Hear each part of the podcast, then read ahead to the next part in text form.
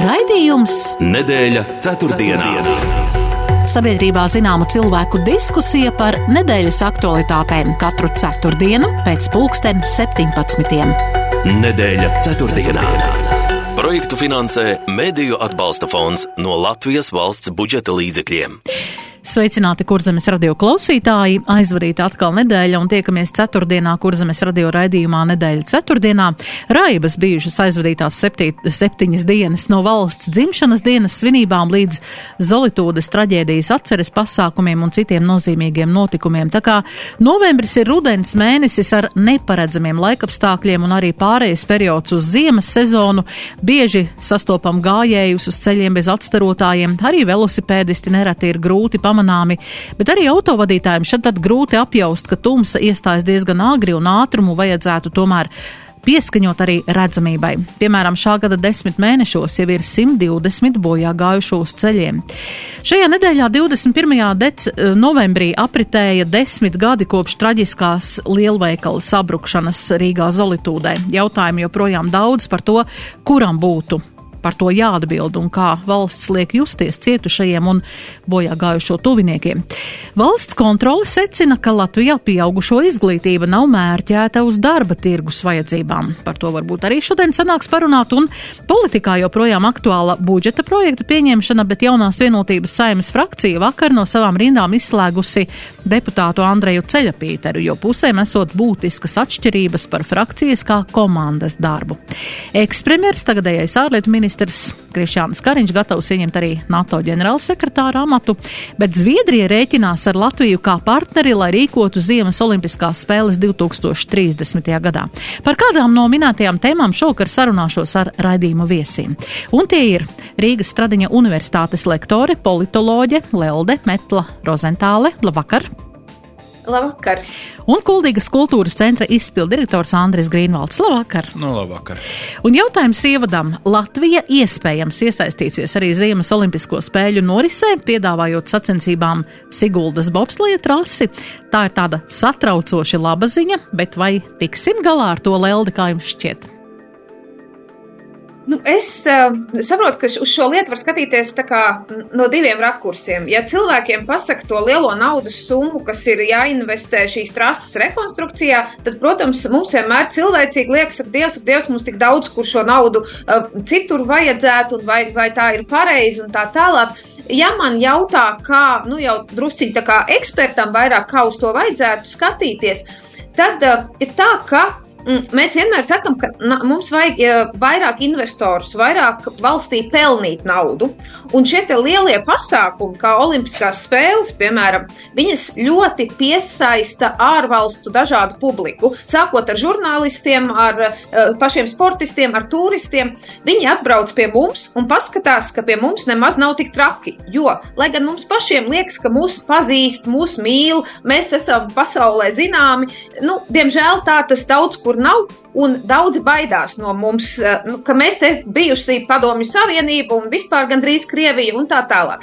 Līdz ar to, ja caur šiem lielajiem pasākumiem izdodas veidot valsts tēlu, ja parādīt, ka pie mums ir droši, labi un te vajag nākt ar savu naudu, tad, protams, ka mēs ilgtermiņā no šādiem lieliem pasākumiem varam iegūt. Un tad mums uz viņiem nav jāskatās kā tikai uz sporta notikumu, kas arī ir labi un um, veicina jauniešu interesi par sportu un tā tālāk, bet tieši kā uz naudas piesaistīšanas instrumentu ilgtermiņā, veidojot valsts tēlu, drošu un uh, tīkamu ārvalstu naudas devējiem. Jā, Andri, kas tev sakāms par šo? Jā, nu, kā bijušam sporta darbiniekam, jāsaka, nu, no sportiskā viedokļa tā ir kaut kāda unikāla iespēja. Vispār nu, mēs vieni paši to nekad ne, nesasparotos, un nu, arī visādi citādi iemeslu dēļ tas nebūtu reāli. Bet, nu, ja jau es pieminēju vārdu reāli, tad būsim reāli. Vispirms ir jāsaprot, ko tas no mums prasa. Ja nauda ir tikai viena lieta, ka es pasākumus rīkoju regulāri, tas ir mans darbs, tad uh, Es parasti to secību lieku nedaudz citādāk. Vispirms vajag cilvēks, kam to ļoti vajag, un tad viņi atkal sameklē visus tos pārējos resursus un pieskaņo visu, kas ir nepieciešams.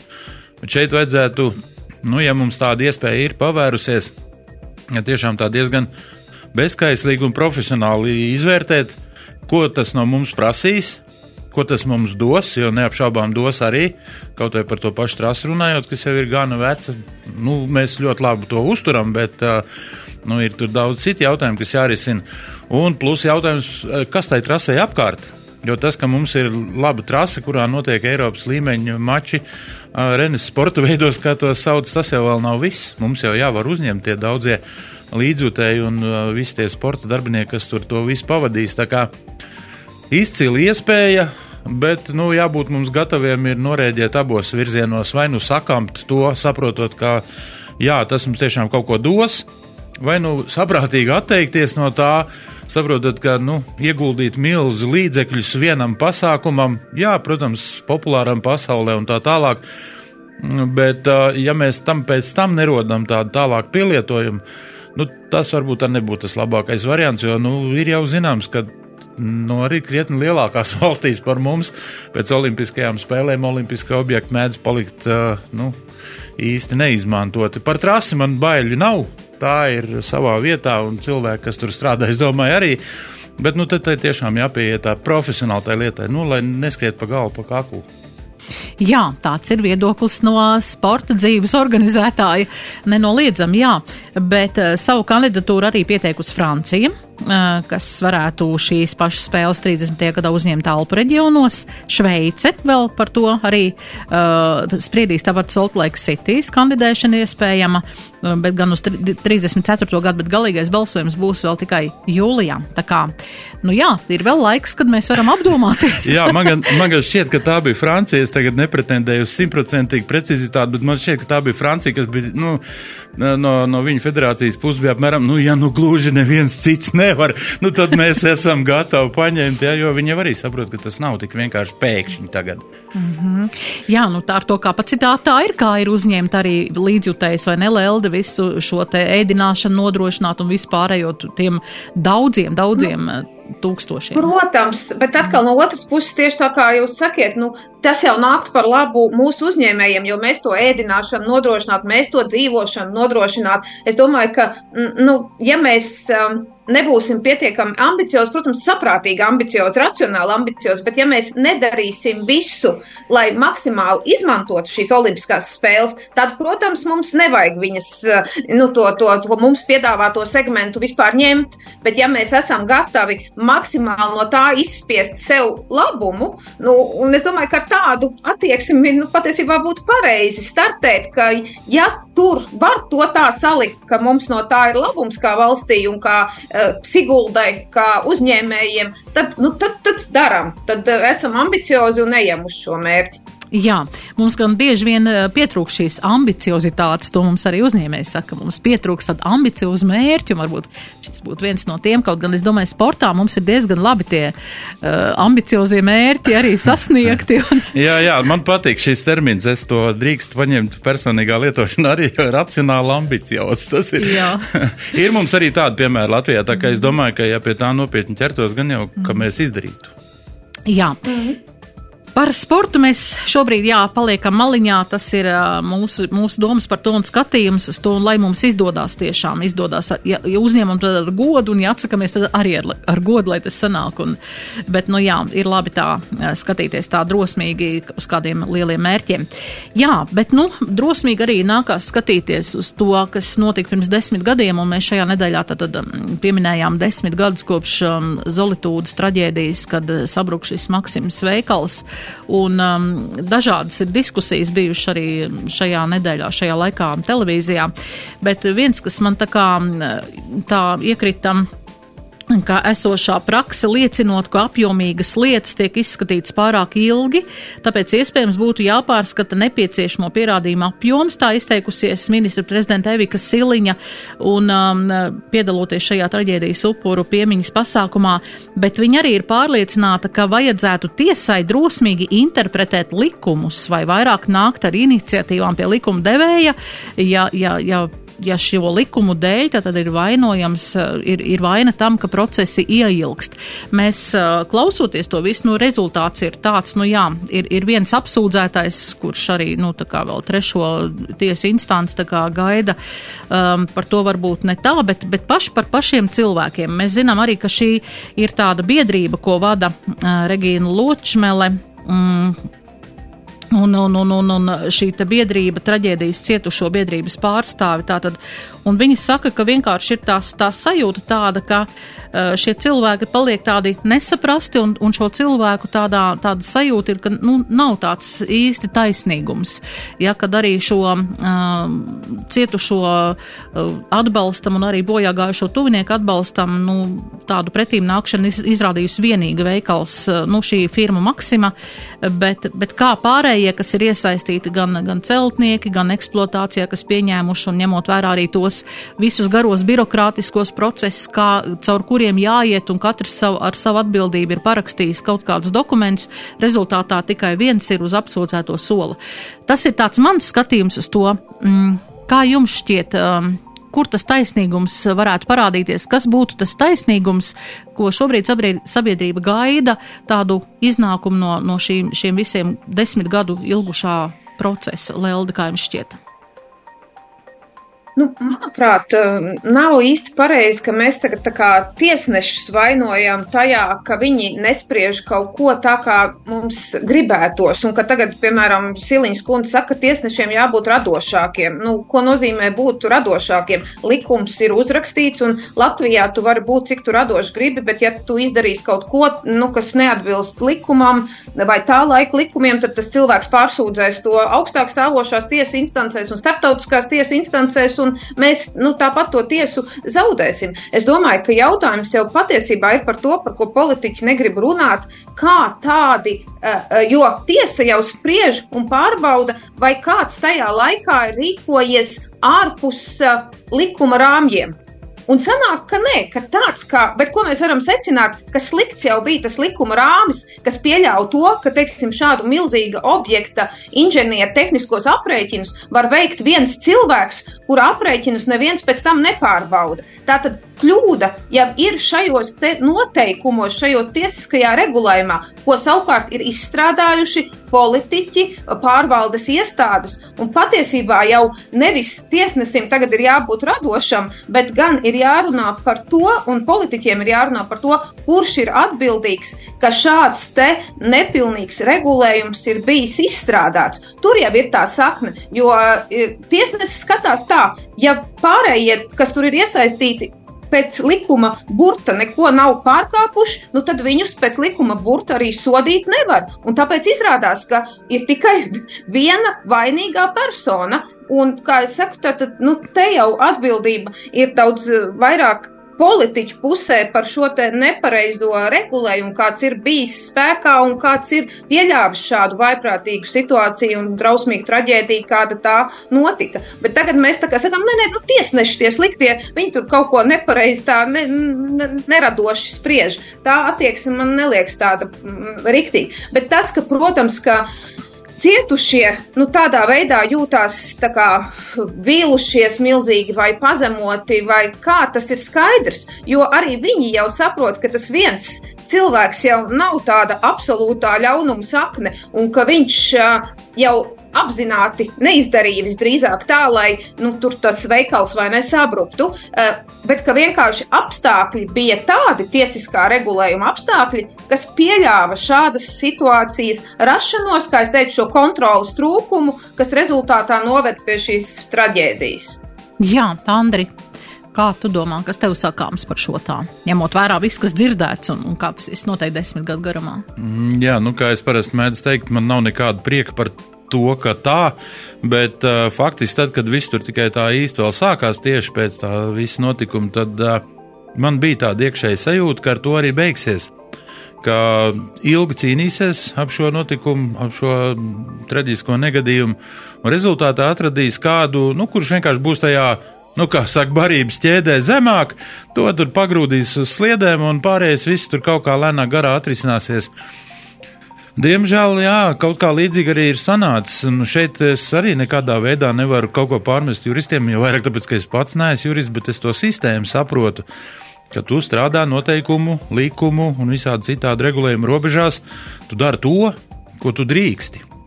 Tu nevari pēkšņi izdomāt, ka nu, no rītdienas mēs tur tiesāsim citādi, tāpēc ka man tur tas cilvēks kaut kādā veidā šķiet, ka viņš ir vainīgs. Tev jau vispirms jāpierāda, neaizmirstam arī to, ka, kas ir iesaistīts tur, jā, naudīgas organizācijas, lielas karteļi, kā mēs pēc tam varbūt uzzinājām, un vēl šīs tas, kuriem arī savu ļoti spēcīgu aizmuguri ar izciliem advokātiem, kuriem arī neko nevar pārmest, viņi arī dara savu darbu, jā. Nu, un tā tas rezultātā tur, un jo tas vēl kas garāk, jo mazāk ir cerība uz to. Un, nu, man, protams, ir žēl visu to, kuriem tur kāds ir gājis bojā no tuviniekiem. Es daudz ko nesaprotu, piemēram, kā var neatzīt par cietušo kādu no glābēju puses, ja, ka viņš tiešām ir tur ciets, bet ne, nu, viņš jau tur bija darbā, nu, bet tieši tāpēc. Un daudz ko citu es nesaprotu, bet man šķiet, ka šobrīd jau pat ir grūti vairs pateikt, kas tā būtu tagad tā absolūtā patiesība. Nu, tas absolūtais uh, apmierinājums, ko tagad vajadzētu vai kā varētu uzdāvināt šo apmierinājumu tiem, kam tur kāds ir gājis bojā tajā traģēdijā. Jo šobrīd pat ir grūti pateikt, kas tas būtu. Nu, tagad, ko sākt visu no sākuma un atrast vēl kādus vainīgos, tur jau viss ir uh, noslāpis praktiski. Nu, žēl, ka tā. Arī tādu uh, ļoti ambiciozu uznācienu atceramies, bija tur advokāts, kurš solīja, ka viņš te visu tūlīt sakārtos. Nu, diemžēl izrādījās, ka tā bija tikai tāda liela runāšana. Nu, rezultātā tas process ir izčākstējis, kā saka. Viss ir savākts, viss ir skaidrs, bet pēc tā brīža tiem likumiem un noteikumiem, nu, nevienam citam neko nevarēja. Un žēl jau vēl vairāk ir tas, ka tad, kad tas viss tur bija noticis, tad nāca liels sapulces un saimā par to runāja, un kur tik vēl nē, tad bija tas plāns, ka, nu, tagad mēs ieviesīsim tur valsts kontrolas, būvniecības valsts kontrolas birojā tur to un to un to, un tagad, nu, tur, nu, žmiegsim, cik varēsim, ja? nu, īsnībā ir man saistība darba jomā ar, ar būvniecību zināma, nemaz tur tik spoži neiet, un brīžiem tur prasa to, ko varbūt nevajadzētu prasīt, un nepaprast to, ko vajag. Un tad ir labi, ja tev tur pašam ir kāds savs speciālists, kam tu vari uzticēties, un tu zini, ka viņš, kā saka, zobiem saplēsīs katru, kas darīs kaut ko nelikumīgu, jā, bet nevienmēr tas tā ir. Tā kā šobrīd, nu, tāda pati situācija, tā kā šahā, jā, nu, kaut kas ir izdarīts, bet tas lielums, ko vajadzēja, lai novērstu saknē šādu iespēju, man šķiet, ka joprojām nav. Bet eh, man visvairāk, man liekas, tā, tā doma ir par to, ka mums Latvijā vispār ir tā ļoti švakara atbildības uzņemšanos kaut kā. Tā ir nu, nacionālā īpatnība. ļoti var, var notikt lietas, var notikt krāpšanas lielos, var pazust miljonu, var viss kaut kas notikt, bet mums nav, mums ir tā nesodāmības sajūta. Es domāju, ka tas ir, nu, tas arī ir tā, bet, bet tas jau arī ir likuma devēja tā kā lauciņš, nu, nu to tos likumus, nu, tā kā, nu, mainīt, pārveidot, nu, kaut kādā veidā, lai tā atbildība būtu, vai arī tas ir tīri izdevīgi, lai, nu, pašiem nav jāatbild, kā, kā Leldi jums šķiet? Nē, nu, ir skaidrs, ka šobrīd mēs nevaram to likumu izmainīt ar atpakaļējošu datumu. Tas, ko mēs šobrīd izmainītu, tas nekādā mērā nepalīdzētu notiesāt kādus cilvēkus, kas bija saistīti ar šo te zolitūdas traģēdiju, bet, nu, pēc tā laika likumiem viņi nav vainīgi. Līdz ar to varbūt cilvēkiem kādreiz tā liekas, ka mēs šobrīd to likumu varētu izgrozīt un tad mēs viņus varētu tiesāt, bet tā tas, tā tas nav iespējams.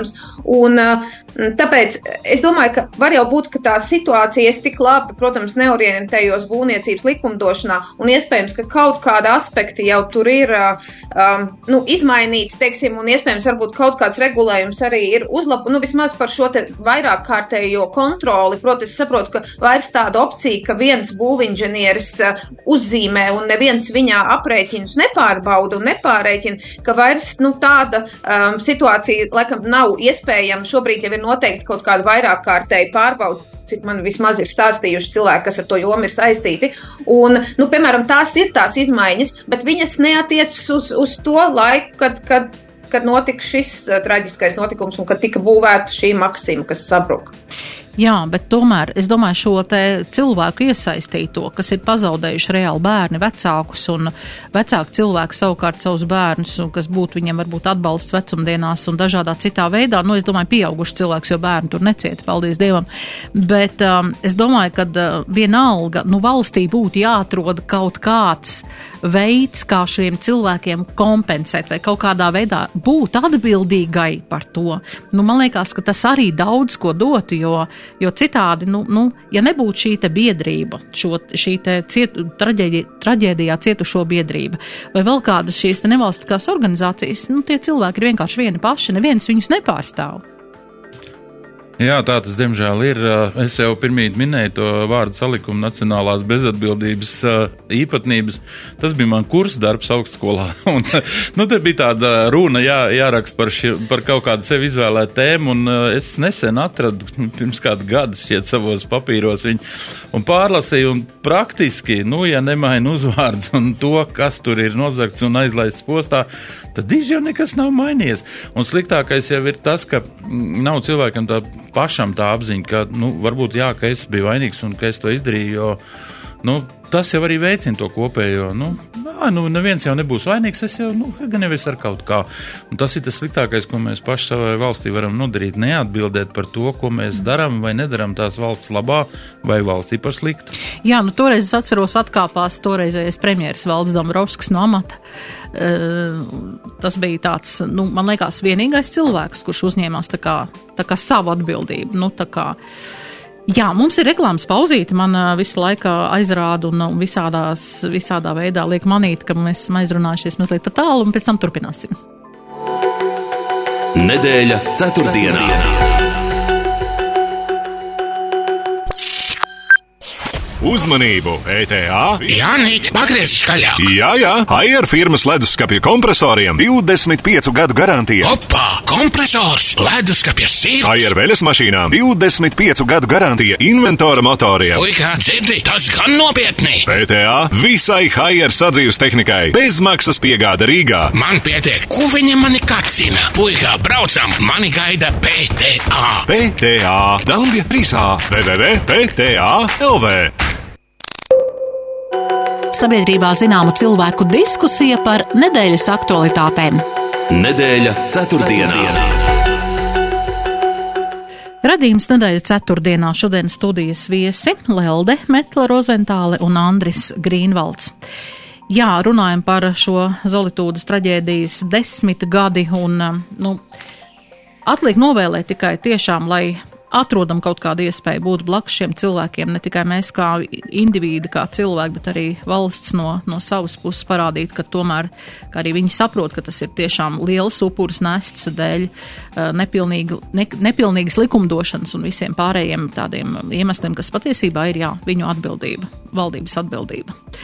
Labi, Bet ir kādi vēl noteikumi, kas mums ir jāievēro ļoti daudziem un ikdienā, un tie ir satiksmes noteikumi. Un atkal te ir jāsaka, nu, saistībā ar šo traģēdiju, kad man jau šķiet, ka traģiski ir šie skaitļi - 120 uh, cilvēki gājuši bojā uz ceļiem šā gada desmit mēnešos.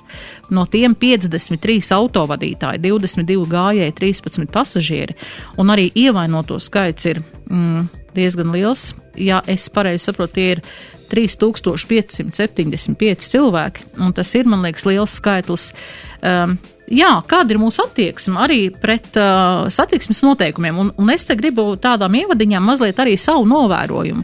Um, ja nākās braukt ar izglītības iestādēm, tad šad tad varam novērot tādus, uh, tādas situācijas, piemēram, ka vecāki izlaiž savus bērnus uz gājēju pārejas, vai pēkšņi apstājās pie, vidussko, pie, pie vidusskolas vai skolas un palaiž savu bērnu ārā labi, mēs traucējam viens otru autovadītāju, bet patiesībā arī viņu bērni redz, ka vecāki ignorē satiksmes noteikumus. Man liekas, man liekas, ka tas pat ir lielāks uh, tāds uh, zaudējums nekā tad, ja mēs tur viens otram uzpīpinām kā autovadītāju un mēģinām tā kā samierināties un pateikt varbūt kādu skarbāku vārdu viens uz otru vai vēl kaut ko, ko mēs tajā brīdī domājam, jo ir rīts, ir jāsteidzās, katra minūte dārga un to visu var saprast. Bet ko no tā mācās jaunā paudze? Un tas man liekas, jā, tas ir tāds ieguldījums, nelāks ieguldījums nākotnē.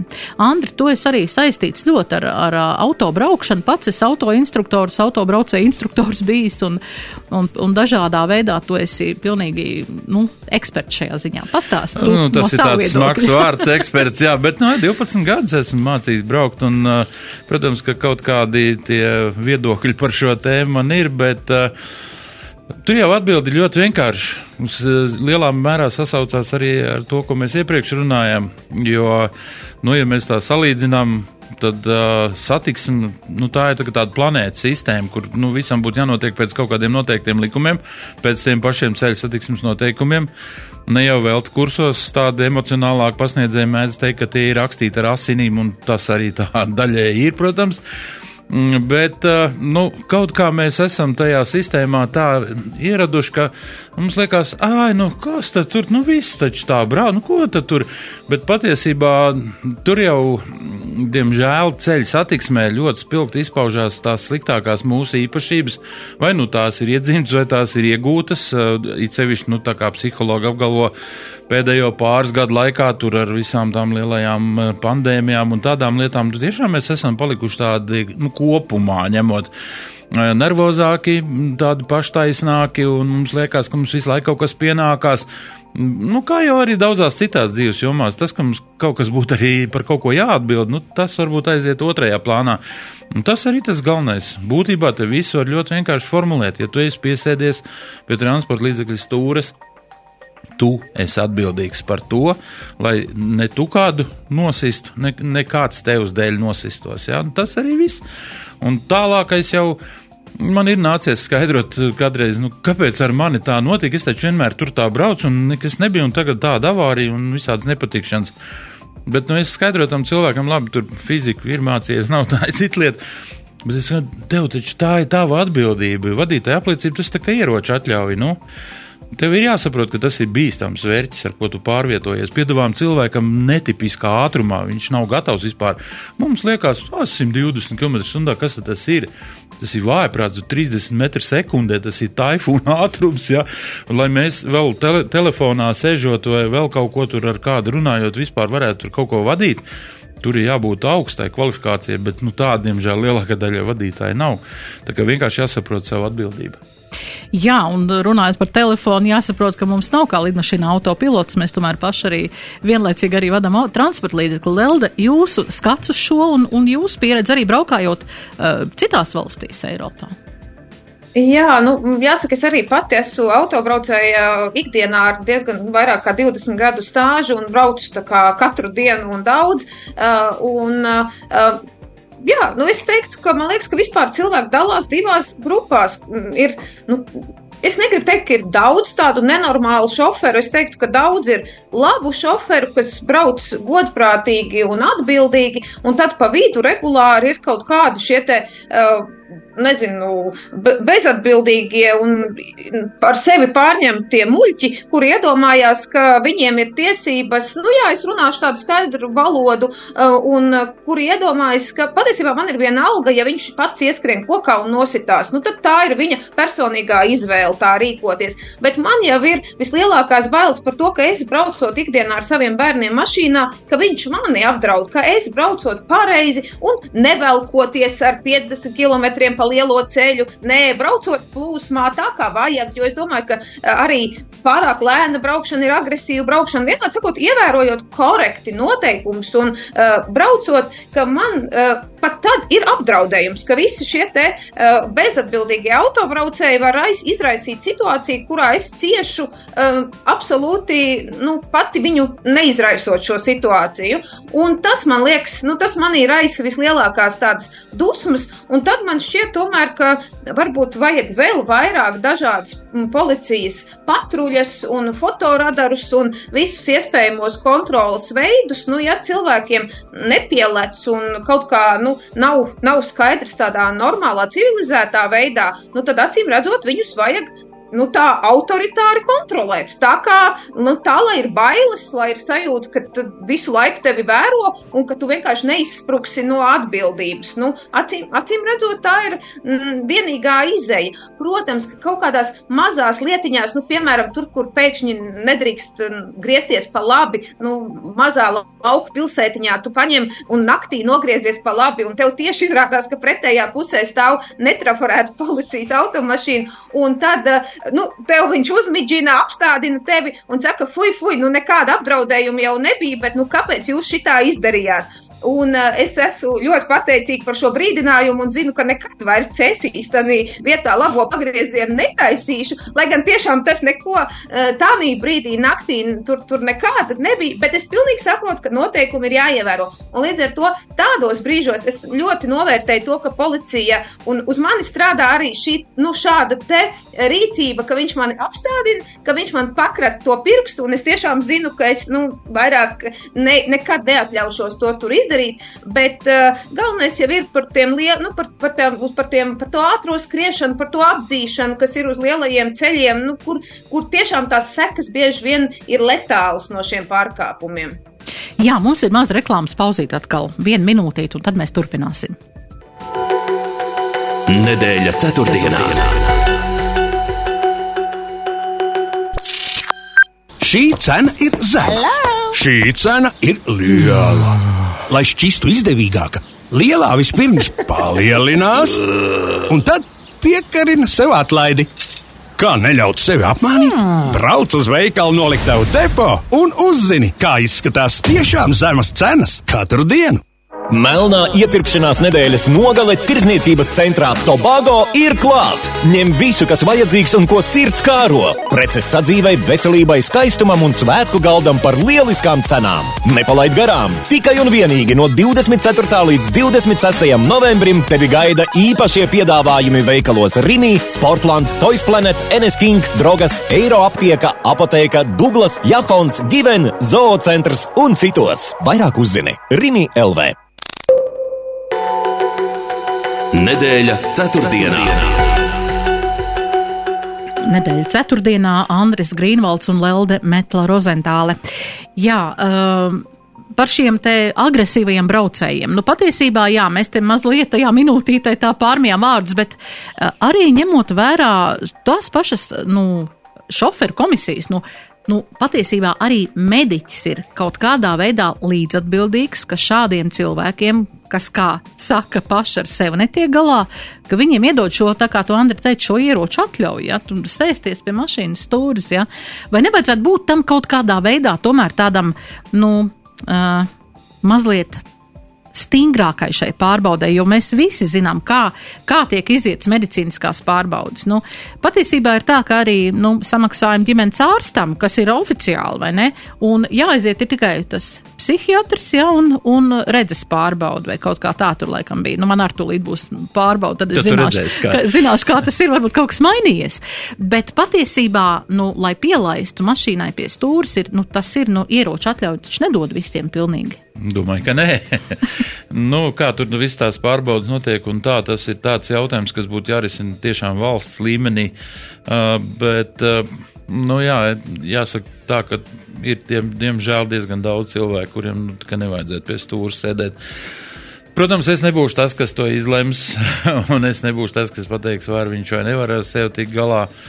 Bet eh, nu, īpaši tiem, kuriem jau ir, kā saka, paspējuši kaut ko sastrādāt, nu, tiem gan vajadzētu pievērst īpašu uzmanību. Es saprotu, ka reibumā braucošajiem tagad tiek gatavot vienkārši drakoniski sodi, kas arī ir pareizi. Bet, nu, vispār kopumā tam ir jāpievērš uzmanība, jo tas, ka tu fiziski nekur neieskrien un neko neapgāzi, tas vēl ne, negarantē, ka tu esi labs šoferis.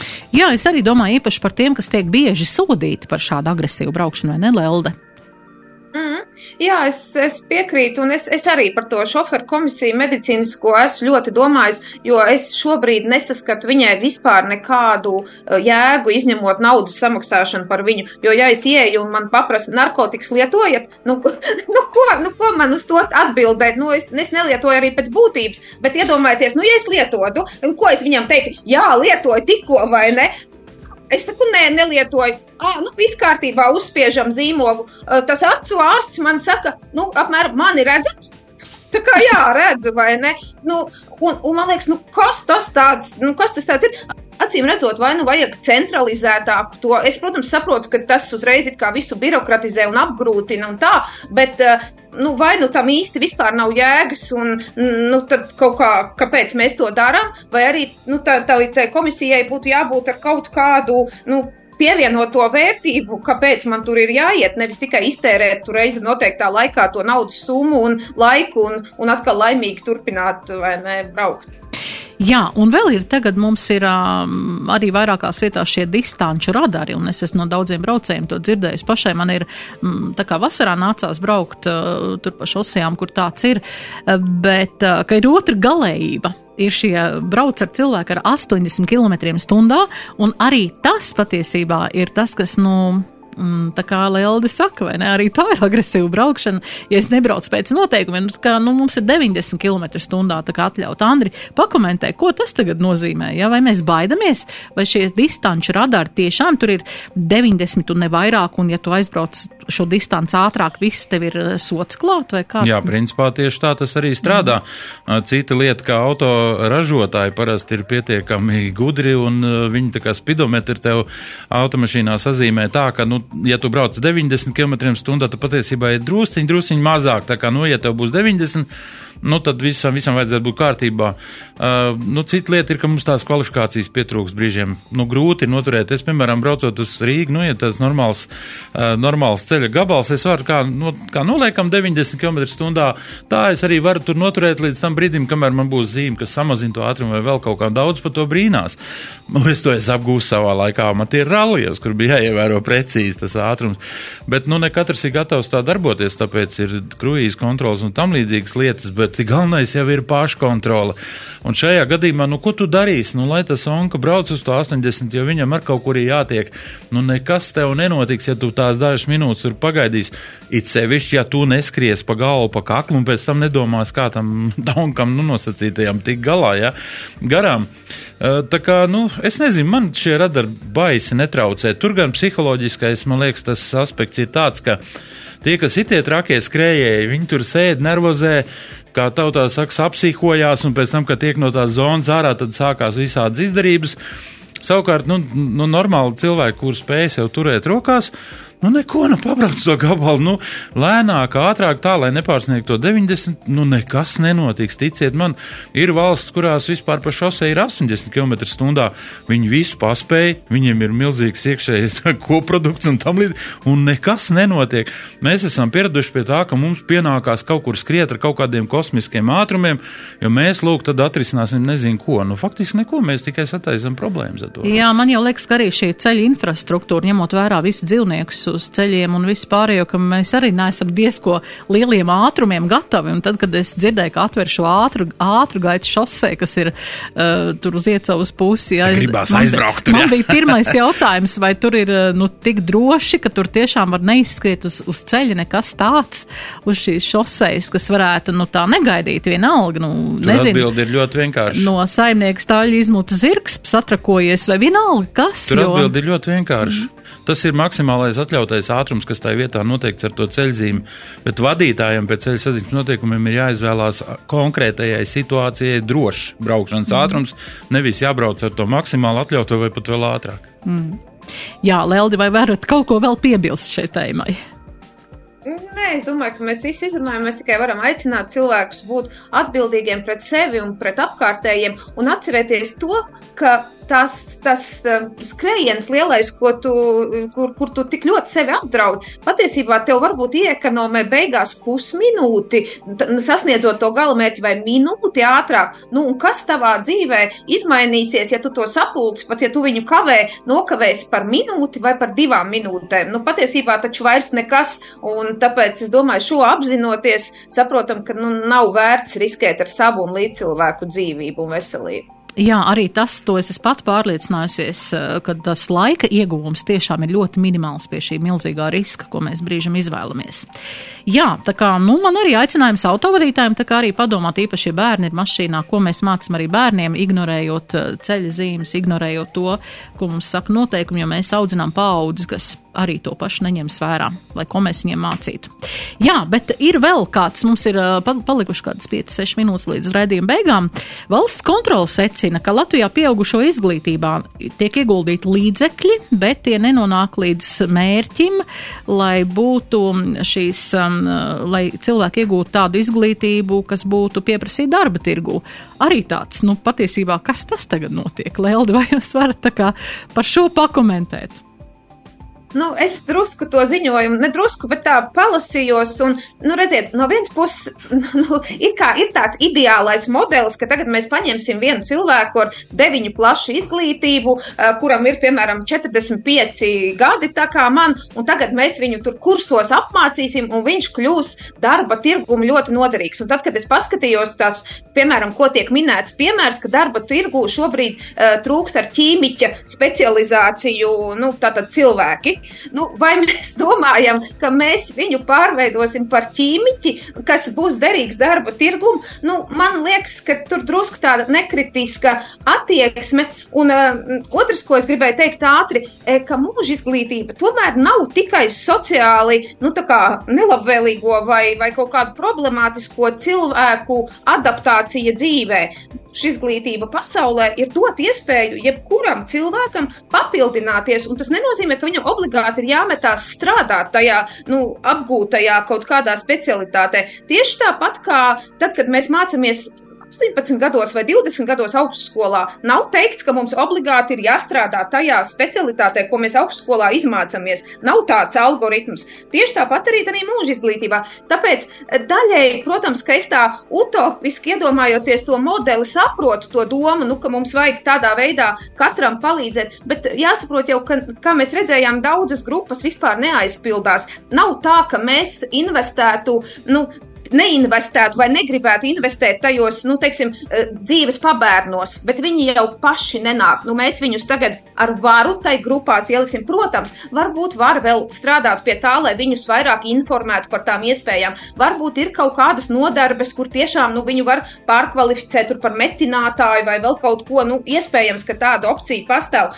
Bet eh, nu, tur ir kā, eh, tas reālā situācija jā, jāsabalansē ar to kaut kādu iedomāto ideālo modeli, jo vienkārši arī tā cilvēku atsaucība vai vēlme mācīties iespējams dažkārt ir lielāka tieši augstāka jau tāda sociālā stāvokļa grupās, ko arī liecina dati, ka cilvēki vairāk izmanto šo mūža izglītību tieši tie, kuriem jau ir pietiekami laba izglītība, viņi vēl papildinās. Nu, tāda laikam ir tā cilvēka iespējams kaut kāda daba, ka tie, kas jau kaut ko ir sasnieguši, grib vēl varbūt vairāk papildināties, un iespējams tie, kas nav, nu, tie vien viena daļa arī ir diezgan kūtri.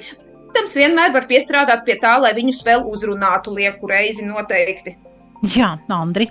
Kā tu uzskati? Jā, nu es domāju, ka tur tādu simtprocentīgu rezultātu vispār nekad nevar izspiest. Ja viss, kas aiziet datoru kursos, viņi pēkšņi kļūst vispār datoriķiem. Tur ir vajadzīgs tāds iekšējā tā sajūta un daudz cits lietas. Nu, tāpat kā visi nevar būt biznesmeņi un tā tālāk. Bet, uh, lai nu lai, katrā gadījumā mm, skaidrs, ka nu, tā sausi pieejot, kā, kā vienkārši kontrolē, jā, neatbilst to. Es arī esmu te, nu, apkārt sev cilvēkos redzējis, kur, pie, piemēram, ir kādu brīdi bez darba palicis, varbūt pat ne savas vainas dēļ. Tagad viņš iet tajos kursos, kurus viņam piedāvā, tas ir ļoti labi, jo, kā teica savā laikā viens rakstnieks, ka nav nevajadzīga zināšana. Ja? Bet nu, no otras puses, nu, skaidrs, ka viņš varbūt arī nestrādās tajā. Viņš atradīs kaut ko sev tuvāku, bet nu, kaut ko viņš vismaz būs iemācījies. Nu, savukārt, žēl ir, ka nu, galīgi tā neviens nepievērš uzmanību tai otrai pusē, kas tā nav tieši saistīta ar pašiem kursiem kā tādiem vai ar mūža izglītību. Tai otrai pusē, ka tad, ja tu, piemēram, 50 gados paliec bez darba, tad pēkšņi izrādās, ka viss tas, ko tu visu mūžu esi pratis un darījis, tas vispār nevienam nav vajadzīgs vairāk. Man pašam rados bija tāds gadījums, ka cilvēks tiešām ar zelta rokām un fantastisku galvu, kas no lūžņiem būvē visu, ko vajag. Viņš pieteicās darbā, un nu, jūs mākat virpot, jā, metināt var, protams, frēzēt, nu kāda problēmas, tur to visu, visu var, cik jums gadi ir 50, oi nē, paldies, mums nevajag. Nu, nu lūk, un tad jau arī tā jēgdaļai zūd visai tā idejai, ko tad tu viņam mācīsi, ja viņš nekur nevar atrast sev to darbu. Gluži tāpat kā jaunajam. 20 gados paprasīt 10 gadu darba pieredzi un kaut kādas fantastiskas iemaņas. Nu, kur viņš viņu raus? Jo nav modē vairs tā kā kādreiz bija skolas laikā, tur mēģināt kaut kur. Nu, nu ir, ir, zināmā mērā ir modē, bet nu, tādā masveidā vasarās kaut kur strādāt un vismaz kaut kādu pieredzi iegūt. Ja? Tā kā, nu, nu tā, tā, tā, no kuras puses paskatās. Bet es domāju, ka simtprocentīgi rezultāti tur nekad nebūs, lai mēs kādus kursus piedāvātu, jo tas, ko tam darba tirgum brīžiem vajag, tas nu, galīgi nekā tur nesanāk no tā, kas mums ir. Un tāpēc varbūt tie darba devēji paši, tad, ja viņi varētu, jā, mums vajag tagad desmit metinātājs, var uzreiz pateikt, ka ne katrs var būt metinātājs. Labs metinātājs ir retais no tiem, kas ir ar tiesībām metinātāja apliecība. Tā kā tas ir tāds komplekss jautājums.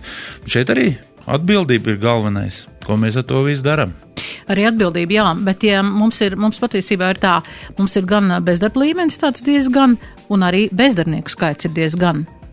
Nu, bet tas arī kaut kā neiet kopā. Vai mēs kaut ko, um, nezinu, mēs, mēs gatavojamies darbu spēku tā kā ievest no ārzemēm, no trešajām valstīm, bet, nu, kaut kas šeit arī kaut kas nav līdz Oi, galam. Nu, nu gribēs būšu nenormāli nepopulārs. Ļoti, Turpinājumā, ļoti jā. nu, diemžēl, jā, bet, nu, tā vienmēr tiek apgalvots, ka gadu simtiem latviešu tautas darba tikuma, un jā, mēs redzam tiešām tos, tos daudzos piemērus, ka pasaulē pat galīgā svešumā tie latvieši ir izcitušies kaut kādos neiedomājumos augstumos un amatos, jā. Un tas tādā atbilst patiesībai. Bet, diemžēl, kaut kā pāris pēdējo pauģu laikā mēs kādu daļu esam vispār pazaudējuši. Gan kā personības, gan kā, kā kaut kādas kvalificētas darbinieks un tā tālāk. Nu, kāpēc tas tā ir noticis tā kā skolā pats kādreiz esmu strādājis, tad es saku, nu jā, nu kaut ko mēs tur pa visiem esam palaiduši garam, jā. Un, diemžēl, nu tie vairs arī nebūs. Tu vari kādas kursus grib viņiem piedāvāt. Viņam galvenais ir, lai viņam ir miers un lai viņam ir kaut kāda pabalsta no kā iztikt. Un tas līmenis jau ir ļoti grūti izkustināms, tad jānotiek personīgi kaut kādai nu, vājprāt, traģēdijai dzīvē, lai tu saprastu, ka, ej, šitā takš nevar. Bet tad es parasti saku, es viņiem to nenovēlu, lai veģetē tā kā ir, bet, nu, mums tad, diemžēl, jāsamierinās ar to, ka, nu, daļa mums ir zaudēta darba tirgumu, jo fiziski strādāt un pelnīt ar to nav, nav populāri šobrīd. Visi grib spaidīt podziņus un pieprasīt fantastiskas algas. Nu, es tā nopaļoju, ka visi jā, tā daudz, jau pa laimi nav, bet daudz. Ja. Un tā, diemžēl, nesanāk. Ir sevišķi tad, ja tev nav tā pamata, ar, ar ko tu darbinās visu to. Jā, Lelde, mm. vai jums ir kaut kas piebilstams vēl pie šī kongresa? Jā, es arī strādājot ar jauniešiem augstskolā, nu, es viņiem mēģinu tā kā iestāstīt, ja tā drīkst teikt, ka tā ilūzija, ka nu, nu, varbūt ir viens no simts tūkstošiem vai kā, kuram paveiksies, un kurš tiešām, nezinu, tur taisot smukas bildes, varēs visu mūžu ar to pelnīt naudu, tur influenceris vai vēl kaut kas, un visiem ir tāda sajūta, ka viņiem negribas nu, tādu, tādu kārtīgi mācīties vai kārtīgi strādāt uh, darbu, bet, ka, nu, gribas tādu, nu, to vieglo, tu skaisto darbu, tā kā, tā kā bildēs rāda, vai ne? Strādāja no, no Karību salām vai ne, vai ceļoju pa okeānu, bet tā patiesībā nav realitāte. Tā ir viltus realitāte, ko uzbūr Instagrams vai citi sociālie tīkli. Bieži vien aiz tiem, aiz tām bildēm stāv pavisam cita realitāte. Un, jā, nu, galvenais tomēr tā vecā patie, pacietība, pat, patiesība, ka nu, darbs un darbs un vēlreiz darbs ir tas, kas mūs var pacelt un virzīt pa to labklājības taciņu. Jā, bet nu, būt arī būt arī uh, sajust to, ka tu esi valstī vajadzīgs, nu, tas atkal ir valsts uzdevums, vai ne? Kad padomāt par to un, un motivēt, lai tiešām arī tie, kas ir ar šīm mazām izglītībām un šobrīd bez darba, lai viņi justos vajadzīgi. Viņus varbūt tiešām, tā kā jūs vēl teicāt, varbūt individuāli uzrunāt vēlreiz un vēlreiz, bet kaut kādā veidā motivēt, ka tu esi svarīgs mūsu valstī. Un tas, kas tu esi, tu vari kaut kādā veidā šeit īstenoties un ieguldīties. Man atliek jums nu, pateikt. Tas, tikai tad, ja tu pats to gribi. Tas Jā, ir tas jā, jautājums, jā. vai tu to gribi. Pirmais, kā vienmēr, saka, jāsāk ar sevi. Ja tu gribēsi, tad, tad ir labi, un tad arī valsts te, nu, valstī ir tā roka tev pretī jāpadod. Jā. Jā, paldies par sarunu. Un eh, atliek novēlēt, ka lai daudz gaismas šajos tumšos novembra vakaros, novembra izskaņā un uz tikšanos atkal turpmāk. Sarunājos ar Rīgas Stradiņu universitātes lektori, politoloģi Leldi Metlu Rozentāli. Paldies jums! Un ar Andri Grīnvaldu, viņš ir Kuldīgas kultūras centra izpildu direktors, daudzu pasākumu komentētājs un visādi citādi aktīvs cilvēks. Pie skaņu pults mana kolēģe Adelīna Anna Ziemele, raidījuma producente Anda Andersone, raidījuma vadījas Dace Blūma. Uz tikšanos! Raidījums Nedēļa ceturtdienā. Sabiedrībā zināma cilvēku diskusija par nedēļas aktualitātēm katru ceturtdienu pēc pulksten 17. Nedēļa ceturtdienā. Projektu finansē Mēdīju atbalsta fonds no Latvijas valsts budžeta līdzekļiem.